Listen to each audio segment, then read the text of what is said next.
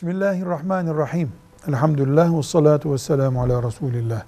Kurban bayramında büyükbaş hayvan dediğimiz inek e, ve benzeri büyükbaş hayvanlar 1, 2, 3, 4, 5, 6, 7 kişi tarafından ortaklaşa kurban olarak kesilebilir. Ancak yedisinin de Allah için kurban kesiyor olması lazım veya bir ibadet olan adağa, akika kurbanına niyet ediyor olmaları lazım. Bunlardan biri et yemek gibi bir niyet için kurbana girerse o kurban boşa çıkar. Her birinin de Müslüman olması gerek.